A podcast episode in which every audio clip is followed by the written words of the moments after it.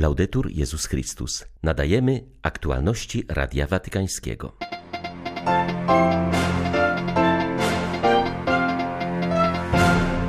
Papież podziwia wiarę i wytrwałość Afrykanów. Mówi o tym w przesłaniu do Kontynentalnego Kongresu Teologicznego. Stolica Apostolska popiera terytorialną integralność Ukrainy, zapewnił szef papieskiej dyplomacji. Poinformował, że podróż do tego kraju jest dla papieża priorytetem, a Moskwa nie wystosowała jeszcze żadnego zaproszenia.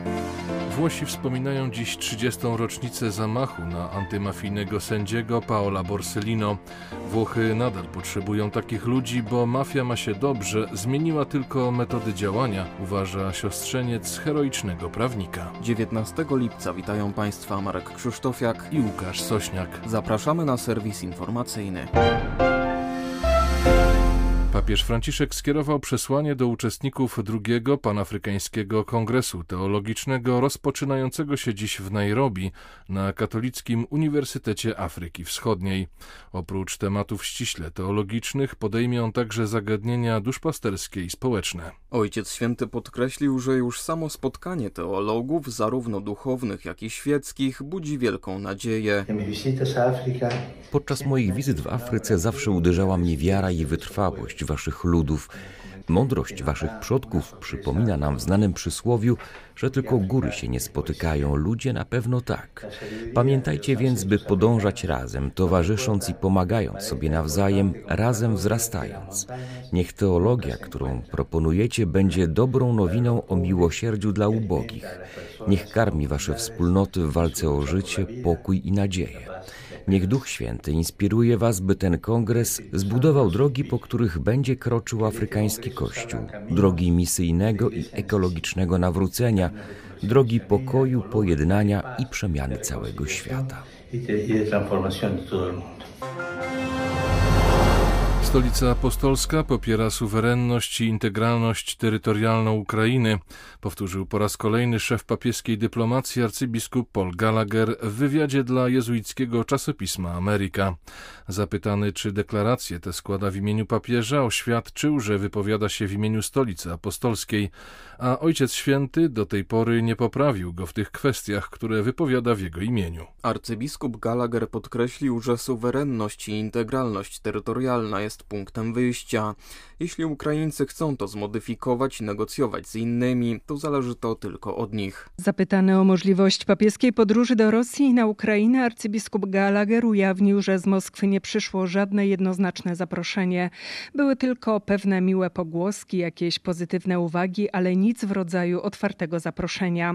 Szef watykańskiej dyplomacji stwierdził, że papież chce jechać na Ukrainę, nawet jeśli nie zostanie zaproszony do Moskwy. Te dwie podróże nie są ze sobą powiązane. Być może byłoby dobrze, gdyby były, ale papieskim priorytetem jest w tym momencie złożyć wizytę na Ukrainie, spotkać się z władzami, narodem i kościołem, dodał watykański sekretarz do spraw relacji z państwami. Zapytany o jego ocenę sytuacji na Ukrainie, zgodził się, że w dużej mierze jest to wojna na wyniszczenie. Są ogromne straty w ludziach, trudno jest dostrzec jakieś rozwiązanie. Ma nadzieję, że będzie to rozwiązanie na drodze dyplomacji i negocjacji, na co Ukraińcy na pewno są gotowi.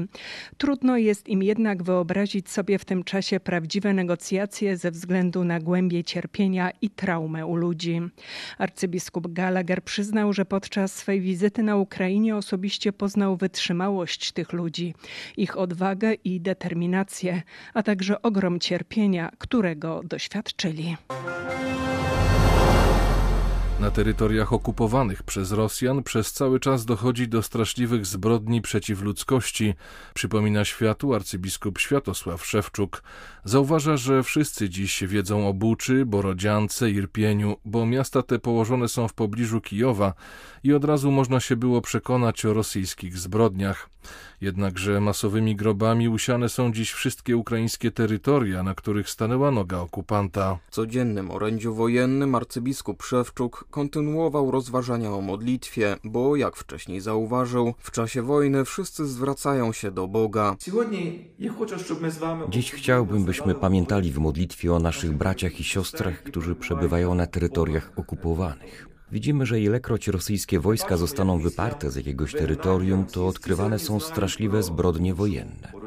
Wszyscy dziś wiedzą o Buczy, Borodziance Irpieniu, bo te miasta są położone w pobliżu Kijowa i od razu można było się przekonać o popełnionych tam zbrodniach. Ale tak samo poranione, takimi samymi masowymi grobami usiane są dziś wszystkie ukraińskie terytoria, na których stanęła noga okupanta.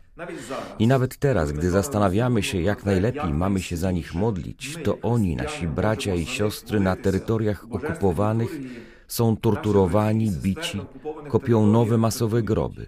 Dokonywane są straszliwe zbrodnie przeciw ludzkości. Każdego dnia pamiętajmy w modlitwie o tych, którzy są bezbronni wobec morderczej ręki okupanta. Boże, błogosław Ukrainę. Błogosław tych, którzy właśnie teraz cierpią. Ty sam cierpisz w ciele Ukrainy. Daj byśmy rozpoznali Ciebie, cierpiącego z rąk okupanta na terytoriach okupowanych. I niech świat usłyszy głos Twego ciała i zatrzyma tę wojnę, aby nieprzyjaciel odszedł z naszej ziemi a ci, którzy znajdują się w jego śmiercionośnych szponach, odzyskali dar wolności. Boże, błogosław Ukrainę. Boże, błogosławy Ukrainę.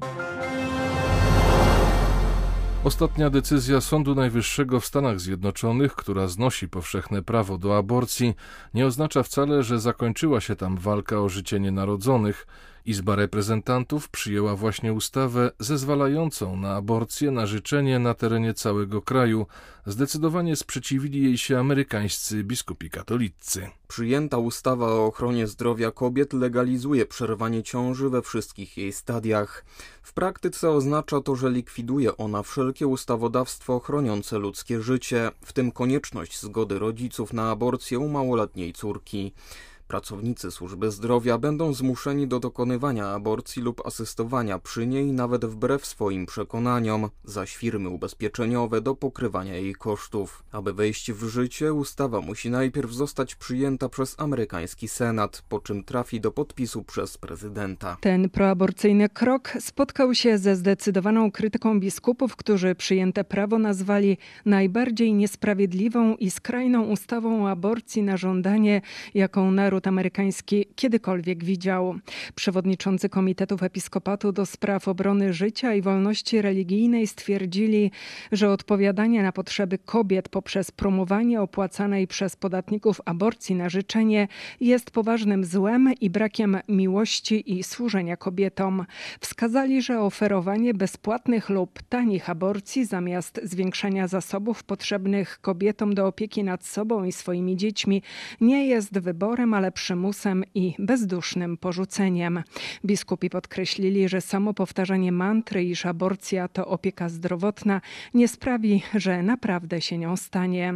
Biskupi zapewnili też, że Kościół gotowy jest do współpracy z obecną administracją w celu ochrony życia nienarodzonych dzieci i udzielenia wsparcia matkom w potrzebie. Rozpacz, głód, choroby i śmierć. Tak od prawie dwóch lat wygląda codzienność mieszkańców etiopskiego regionu Tigraj. Zawieszenie broni jest tylko pozorne, ponieważ wojska rządowe blokują transporty z pomocą humanitarną. Choć nie słychać strzałów i eksplozji, w Tigrajczyków wymierzona jest o wiele bardziej śmiercionośna broń głodu. Oficjalne ogłoszenie zawieszenia broni przez premiera Etiopii dało mieszkańcom Tigraj nadzieję. Jednak od miesiąca rząd zacieśnił blokadę i wstrzymał wszystkie loty z pomocą dla cierpiącej ludności. Zablokował także podstawowe usługi, telekomunikacje, internet, bankowość oraz transport między Tigraj a innymi regionami. Rząd Etiopii zaprzecza, że celowo blokuje konwoje humanitarne. Twierdzi, że powstrzymuje jedynie dostarczanie wsparcia rebeliantom. Miejscowi księża są jednak przekonani, że działania rządu mają na celu zagłudzenie Tigrajczyków. Izolacja Tigraj sprawia, że miliony ludzi skazane są na niedożywienie i głód. Według najnowszych szacunków ponad 5 milionów ludzi potrzebuje natychmiastowej pomocy humanitarnej, głównie w postaci żywności i środków medycznych. Był człowiekiem prawa, jednak to wiara była jego kompasem w życiu, mówi Claudio Fiore, siostrzeniec sędziego Paolo Borsellino, który przed 30 laty został zamordowany przez sycylijską mafię. Jak mówi, jego wuj musiał zginąć, ponieważ miał kręgosłup z żelaza i nie dał się zastraszyć. Swym życiem pokazał, co znaczy prawdziwa służba dla kraju i chrześcijaństwo w praktyce. Claudio Fiore wspomina zachowanie swego wuja po zamordowaniu jego wielkiego przyjaciela, sędziego Giovanniego Falcone. Wiedział, że będzie następny i ze zdwojoną siłą zabrał się do pracy, by jak najwięcej rzeczy załatwić przed swoją śmiercią, wspomina siostrzeniec. Wyznaje, że wuj w tych dniach częściej się spowiadał, powtarzając, że musi być gotowy. Wymykał się też na samotną modlitwę do kościoła nieopodal swego domu. Wchodził zawsze tylnym wejściem, nie chciałby jego obecność komukolwiek mogła zagrażać. Fiore wyznaje, że swym dzieciom Borsellino przekazał ogromny hart ducha i wiarę w siłę instytucji państwa. Uczył ich też wartości rodziny i troski o więzi przyjaźni. Wspomina, że wiara pomagała jego wujowi zachować pogodę ducha. Jego dobroć i wielkie człowieczeństwo sprawiły, że mafiozo Vincenzo Calcara, który miał zlecenie na zabicie wuja, zmienił się i w więzieniu zaczął współpracować z wymiarem sprawiedliwości, wspomina Fiore. Wyznaje, że chciałby, aby jego dzieci miały odwagę, hart ducha i wielkie serce, takie jak ich wuj. Wierzył w instytucje państwa, w życiu kierował się Ewangelią. Mówi, dodając, że tego Włochy potrzebują także dziś, bo mafia wciąż ma się dobrze, jedynie zmieniła metody działania. By chronić dzieci przed handlem ludźmi, prawo musi przede wszystkim wzmacniać rodzinę, powiedział na forum OBWE w Wiedniu stały obserwator Stolicy Apostolskiej przy tej organizacji ksiądz Janusz Urbańczyk. Zauważył, że dotychczasowe rozwiązania prawne nie wystarczają, by zapobiegać wykorzystywaniu seksualnemu i pracy przymusowej najmłodszych. Zdaniem watykańskiego dyplomaty państwa muszą zapewnić rodzinom podstawowe narzędzia, by mogły chronić swoje dzieci. Należą do nich opieka zdrowotna, godne warunki mieszkaniowe i edukacja. Kluczowe jest także, by krajowe i międzynarodowe przepisy mające na celu przeciwdziałanie handlowi ludźmi były na bieżąco aktualizowane. Jak podkreśla ksiądz Urbańczyk, mechanizmy te muszą uwzględniać złożone okoliczności, w których najczęściej dochodzi do handlu żywym towarem, specyfikę świata wirtualnego, stref wojennych oraz szlaków migracyjnych. Stolica Apostolska uważa, że jakiekolwiek działania mające na celu zapewnienie dzieciom bezpieczeństwa nie mogą mieć miejsca bez poszanowania podstawowych i niezbywalnych praw rodziców. Franciszek przybywa do Kanady, by podjąć dialog i pójść razem z ludami tubylczymi drogą uzdrowienia i pojednania.